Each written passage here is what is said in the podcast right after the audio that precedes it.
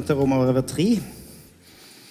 Eh, men før talen så tenkte jeg skulle bare si det at nå, nå har jeg vært her i noen, noen søndager, både i høst og, og, i vår, men nå skal dere få pause. Ikke i dag, da, men neste søndag skal dere få pause. Og søndagen etter der og etter der. Altså annenhver. Dere skjønner. Eh, fordi at eh, neste gang, om to uker, så er det Per Sverre som skal tale. Eh, og så To uker etter der så kommer det en som heter Torgeir Laurås. Eh, og to uker etter der så er det en Odd Arild som skal tale. Eh, og litt grunn til, Det er flere grunner til det, men kanskje grunnen til at jeg er vekke så lenge, det er at vi skal ha oss en tur, meg og familien min, til Tanzania, til Kibakari. Og blir vekke i noen uker rundt påske. Så hvis du syns det har blitt mye Lars, så blir det pause nå. Eh, men jeg skal få lov å tale over Romerbrevet 3 eh, i dag. Så jeg tror bare vi leser i lag først. Eh, la meg si det da, Jeg leser jo ikke hele Romerbrevet 3, da, for det er mange vers. Men jeg har pittet ut noen vers, og vi skal lese fra vers 20 og til vers 28. Og der står For ikke noe menneske blir rettferdig for Gud på grunn av gjerninger som loven krever. Ved loven lærer vi synden å kjenne. Men nå er Guds rettferdighet, som loven og profetene vitner om, blitt åpenbart uavhengig av loven. Dette er Guds rettferdighet, som gis ved troen på Jesus Kristus, Kristus til alle som tror. Her er det ingen forskjell, for alle har syndet og mangler Guds herlighet. Men ufortjent og av Hans nåde blir de kjent rettferdige, frikjøpt i Kristus Jesus. I ham har Gud, ham har Gud stilt synlig fram for at han ved sitt blod skulle være soningsstedet for dem som tror. Slik viste Gud sin rettferdighet. For han hadde tidligere i tålmodighet holdt tilbake straffen for de synder som var begått. Men i vår tid ville han vise sin rettferdighet. Både at han selv er rettferdig, og at han kjenner rettferdig den som tror på Jesus. Hva har vi da å være stolte av? Ingenting. Hvilken lov sier det? Gjerningenes lov? Nei, troens lov. For vi hevder at mennesket blir rettferdig ved tro, uten lovgjerninger. Skal vi be i lag? Kjære Jesus, takk for ordet ditt til oss. Takk for bibelteksten vi har fått lov å lese. Jeg har lyst til Jesus å be om at du må velsigne ordet. At ordet må få lov å nå inn til hjertene våre og bli til både oppmuntring og trøst. I ditt navn. Amen. Nå har vi eh, vært i Romerbrevet 1 og i Romerbrevet 2. Eh, og nå går vi inn i, inn i kapittel 3. Eh, og neste gang er jo da kapittel 4, for 4 kommer etter 3. Så da skal jeg prøve i dag å lage ei, ei bru mellom kapittel 1 og kapittel 2 og over i kapittel 4. Selvsagt skal vi være i kapittel 3, men det er jo det som er altså Kapittel 3 kommer mellom kapittel 2 og kapittel 4. Og Per Sverre han skal få lov å gå inn i kapittel 4. Han Per Sverre han er ekspert på kapittel 4, iallfall i mine ører. eller så jeg husker altså, å, få høre han Per Sverre snakke om reknekapitlet, som han kaller det, i kapittel 4, eh, det skal dere se fram til. Så hvis jeg tar noen av hans poeng Jeg tror ikke jeg gjør det da, men hvis jeg tar noen av hans poeng, så blir det på en måte litt repetisjon neste gang. Men eh, vi skal inn i kapittel tre. Og teksten vår i dag den oppsummerer på mange måter det som har vært, kapittel, det som har vært poenget i kapittel 1 og i kapittel 2.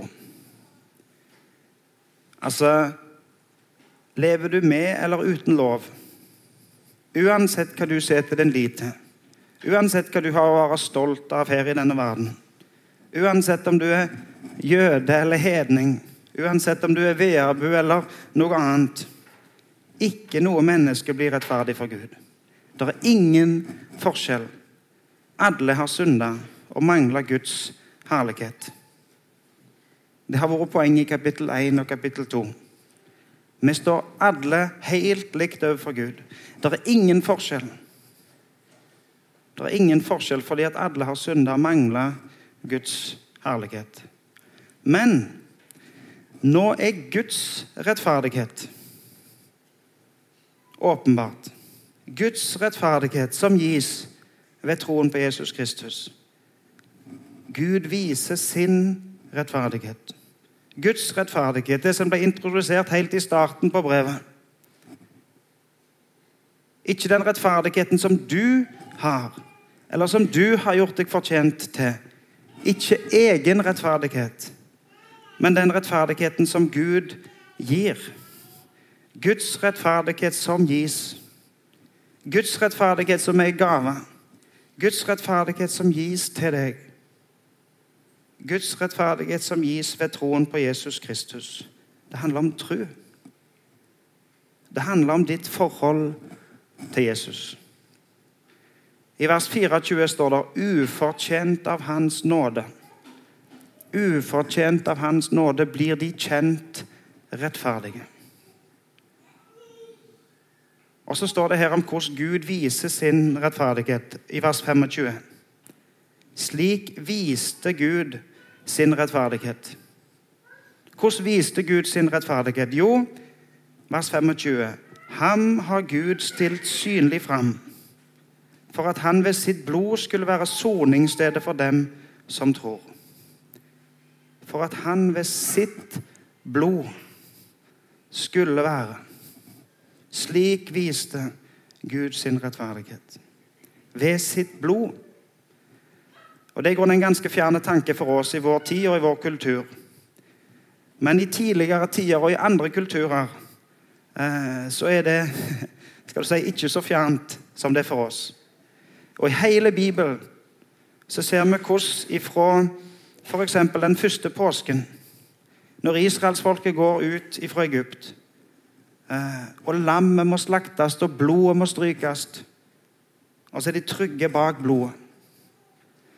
Og så ser vi når de går ut i, i ørkenen på vandring mot Israelslandet. Og i tabernaklet så må ofringene gjentas og gjentas. Og så bygger de et tempel, og så må ofringene gjentas og gjentas. Liv måtte ofres, og blod måtte renne. Og så står det her nå Slik viste Gud sin rettferdighet. Guds rettferdighet. Hvordan viste han det? Jo, Han viste det ved at han stilte Jesus synlig fram, så at han kunne være en soning ved sitt blod. Så de ofringene som hadde vært gjort om igjen og om igjen og om igjen i hele Gamle testamentet Det, det eksempelet det setter Gud nå fram i sin egen sønn, som ble en soning en gang for alle. Ved sitt blod så viste han sin rettferdighet. Slik viste Gud sin rettferdighet. Se på vers 22. Kan det sies klarere? Kan det sies noe tydeligere? Dette er Guds rettferdighet, som gis ved troen på Jesus Kristus til alle som tror. Snakker vi om smør på flesk? Det handler om tro. Det handler om hvem du setter din lit til. Og Hvis vi skulle hatt et minnevers i dag, så tenker jeg det måtte vært dette verset. Dette er Guds rettferdighet som gis ved troen på Jesus Kristus til alle som tror. Til alle som tror, ved troen på Jesus Kristus. Hva er det å tro? Hvordan, hvordan, kan du få til det å tro? Hva må du gjøre for å tro? Senere i Romerbrevet sier Paulus så kommer da troen av det budskapet en hører, og budskapet kommer av Kristi ord. At du til og med det å tro er ikke noe som du skal prestere, men det er noe som Gud kan få lov å prestere i deg. Så kommer da troen av det budskapet en hører. Og budskapet kommer av Kristi ord. Så du som får lov å høre til, du som får lov å ta imot, høre Guds ord, ta imot det Han vil gi I ditt liv blir det skapt tro, blir det skapt tillit, blir det skapt et forhold, en relasjon til Jesus Kristus. Dette er Guds rettferdighet som gis ved troen på Jesus Kristus til alle som tror. Og så introduseres det en tanke eh, som jeg har grunna litt på. Hva har vi da å være stolte av? Hva har vi å skryte av? Ingenting. Hvilken lov sier det? Gjerningenes lov? Handler dette om gjerninger? Nei, men det handler om tro. Og Det er jo det som Romerbrevet har vist oss i kapittel 1 og kapittel 2. Det er ingen forskjell. Du har i grunnen ingenting å skryte. Om du er jøde, så er det ingenting å skryte overfor Gud. Om du er oppvoksen her i bedehuset, så er det ingenting å skryte av overfor Gud. Ja, men Er det ikke da noen fordel å være jøde? Er det ikke noen fordel å høre til Guds folk? Jo, jo. Det er mange fordeler med det, sies det i vers 2. Først og fremst at Guds ord ble betrodd til jødefolket, sies det i, i, i, i vers 2. Den største fordelen med å være oppvoksen her i bedehuset, eller i en annen forsamling, menighet for all del, det er at du har fått lov å høre Guds ord. Du har fått lov å være der som Guds ord har blitt forkynt. Du har fått lov å være der som Jesus har vært til stede. Det er den største fordelen du har Vi har voksne opp her på bedehuset eller i en annen sammenheng. for all del. Og det er jo den største fordelen som vi kan gi til ungene våre. Som vi kan gi til ungdommene våre. Og Det er den største fordelen med at du kommer her på møtet i dag. At du kan få lov å høre. Du kan få lov å lovsynge, du kan få lov å be. Og du kan få lov å leve i Guds ord i lag med Han. Her. I Hans forsamling, i Hans menighet. Men det nytter ikke å komme til Gud og si at 'jeg går jo i bedehuset'. Jeg kan jo det som står i Bibelen. Du kan sitere så mange vers du vil, og hvor mange kapittel du vil uten at det hjelper ingenting. For du har ingenting å skryte av innenfor Gud. Nå må du ikke misforstå. Jeg prøver ikke å fortelle deg at du ikke har noen verdi, eller at du ikke kan noe, at du ikke duger til noe. Vet Du du har en uendelig verdi. Du er det ypperste av Guds skaperverk, og du har unike, gudgitte evner. Men det er i ofte vårt største problem. At vi er så flinke at vi klarer oss sjøl. Skal lage et tankeeksperiment. Tenk deg at du søker på en jobb som du ikke kan. Så har jeg tenkt hva jobb kan ikke være begynne Men vi tenker, tenk deg at du søker på en jobb som astronaut. Jeg tror ikke det er mange her som kan. Tenk deg at du søker på en jobb som astronaut. Du har ingen papirer, ingen utdanning i romfart eller noen ting som tilsier at du kan være astronaut. Og Hvis du da kommer på jobbintervju, og de spør deg hva du har å vise til, hvorfor skal du bli ansatt? Hvorfor skal du få jobben? Så nytter det ikke å si at jeg er gysla flink til å spille ludo. Eller at jeg er en hyggelig person. Eller at jeg er voldsomt flink til å tegne stjerner. Det nytter ikke engang å vise til topp karakterer, gode referanser i et annet fagfelt. Om du er en god snekker eller elektriker eller ingeniør eller hva i all verden du er, så nytter det ikke å komme og vise til det hvis du skal bli astronaut. For som astronaut så har du ingenting å stille opp med. Du har ingenting å vise til og ingenting å skryte av. Målt etter Guds standard, målt etter Guds moral, så har du ingenting å stille opp med. Så har du ingenting å skryte av. Og Nå vet jeg ikke hvordan du har det i ditt liv, men i mitt liv så er det ofte når jeg er mest hjelpeløs at jeg opplever at Gud er nærmest. Jeg har vokst opp på dette huset, dette bedehuset. Jeg har gitt søndagsskole og guttelag og yngres. Og jeg tenkte nok om meg sjøl at jeg fikk det til. Jeg kunne jo dette, jeg. Og I tillegg til det så var det noen som tidlig Jeg vet ikke hva de gjorde, men tidlig så meg og spurte vil du være med. Og Så fikk jeg lov å være med på det ene og på det andre, og så fikk jeg lederoppgaver. Og, og mitt kristenliv ble på en måte bekreftet. Helt til jeg reiste vekk fra Veabygda. Så reiste jeg vekk for å gå på skole. Og Forventningene til meg var nok det at jeg skulle heise flagget høyt Og vise hvem jeg var. Vise hvem jeg trodde på. Men jeg gjorde ikke det. Heller det stikk motsatte, egentlig. Og så kommer jeg på at vi var ute en plass en kveld. Og Det var ikke akkurat på et bedehus. Og så var det en som så at jeg hadde et smykke rundt halsen med et kors. Og så spurte han meg er du en kristen. Lars, er du en kristen? Jeg visste jo hva som var rett. Jeg visste jo hva jeg burde svart. Og jeg visste jo at jeg burde vist det mye tidligere enn at det skulle komme som en overraskelse på han etter over et halvt år i lag med han. Og så ble det noen tunge uker. Og jeg kjempa med meg sjøl og jeg kjempa med mitt liv med Gud. Men i min kamp, og når jeg var liten og når jeg var svak Når jeg på en måte var helt på bånn, så kom Jesus. Og så viste Jesus meg hvem han var.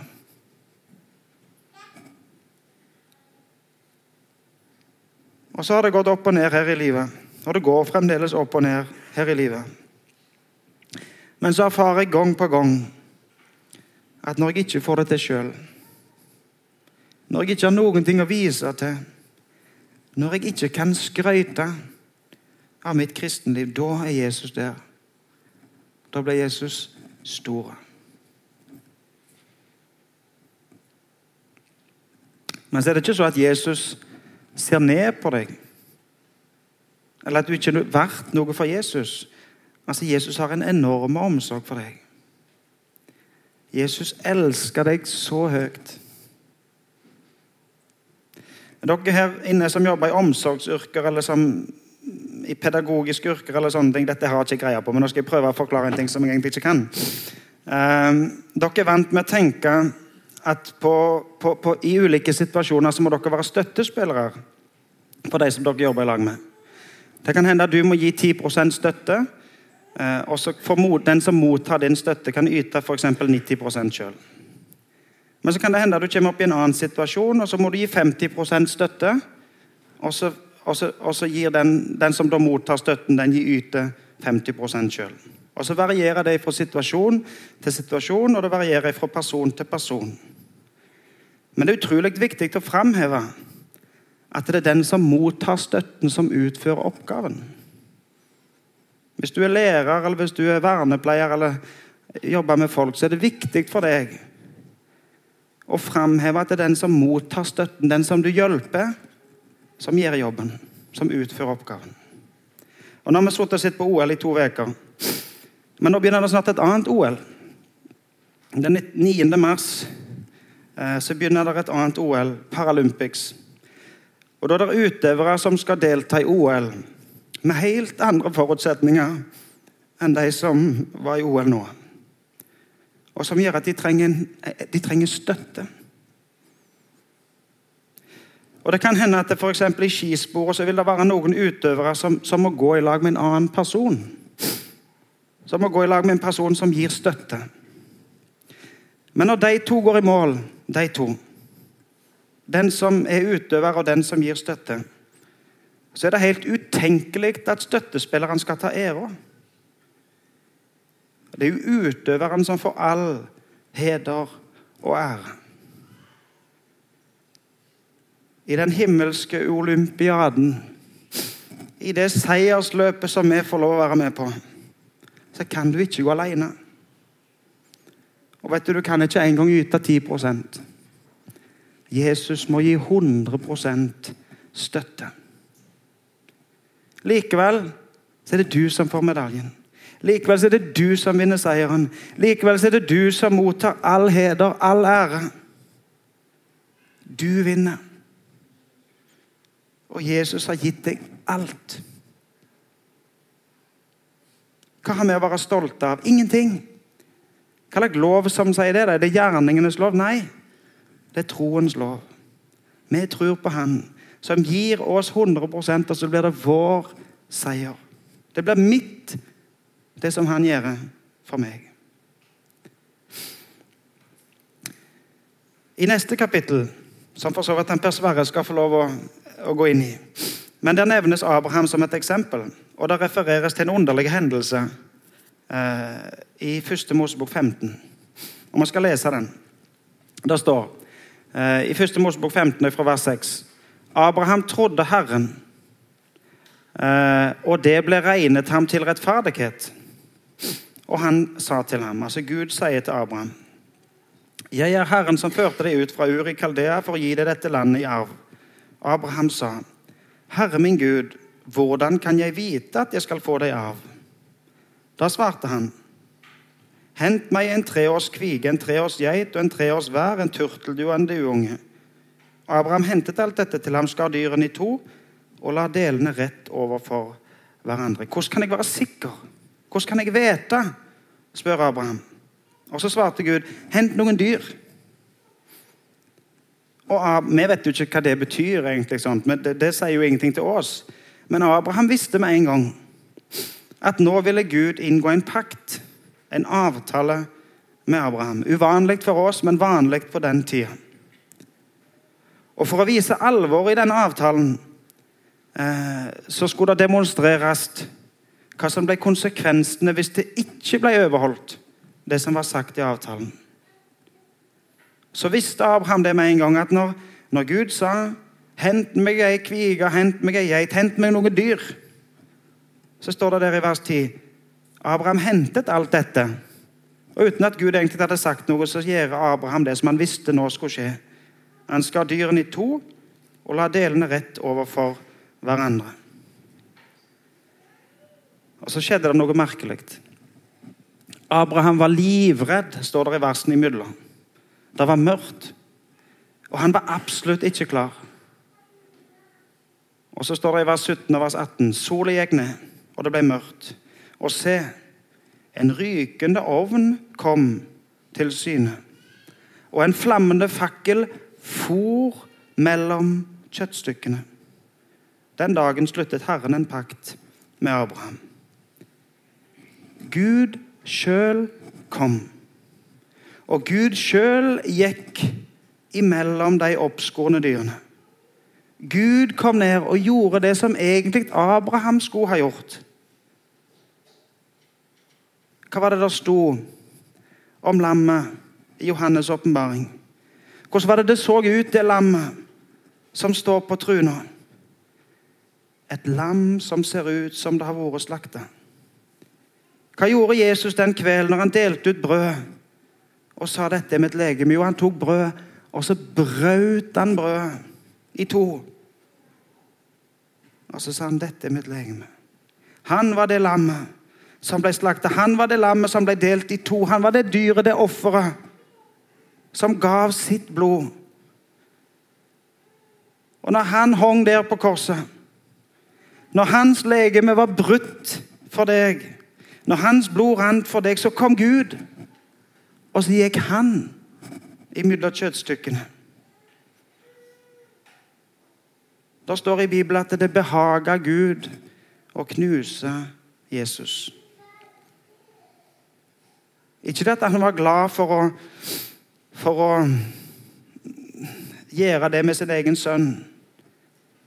Men han var glad for å kunne gå inn og vise pakten og vise og demonstrere og fullføre og opprette og fullbyrde den pakten som er mellom deg og han. For du kunne ikke gjøre det. Men han sjøl kom ned, og så gikk han inn og oppretta pakten med deg. Hva har vi da å være stolte av? Hva kan vi da vise til? Ingenting, egentlig. Hva slags lov sier det? Troens lov. Du skal få lov å tro og ta imot at han som har oppretta pakten, han som har gjort alt, han gir sin rettferdighet til deg. Du deltar i seiersløpet.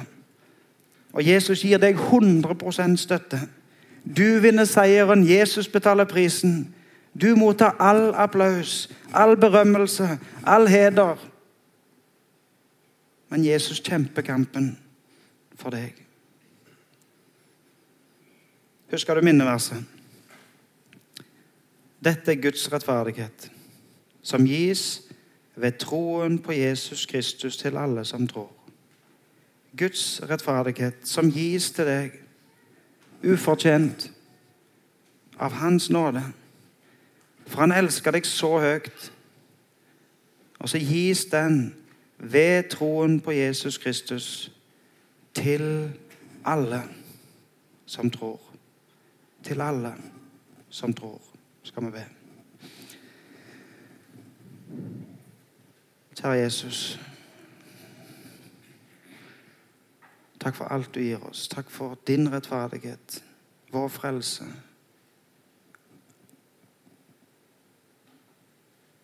Takk at vi skal få lov å høre dette ordet og ta imot dette ordet, at du skaper tro i vårt liv. Kjære Jesus, må du virke så i våre hjerter. At vi får lov å klynge oss til deg og holde oss fast til deg. Og lite på deg. Og Jesus, så vet du at noen ganger er vi høyt oppe, andre der er vi langt nede. Jesus, må du komme til oss når vi er der nede. Jesus, du vet at når vi trenger deg, så vet du hva du må gi oss. Vet du hva vi trenger. Så ser du oss. Og så ser du hver en her i dag. Og så vet du hva hver en tenker på. Hva hver en har opplevd, og hva hver en trenger. Må du, Jesus, gå inn med de trøst og de oppreisning og vise at du er der. Du som er frelseren som er så nær oss at du bor i hjertet vårt. Du som er lammet som ble slakta for oss. Du som elsker oss så høyt at du gikk den veien for at vi skal få delta i seiersløpet til himmelen. Jesus, må du være med oss alle, må du velsigne oss for ditt navns skyld. Amen. Thank you.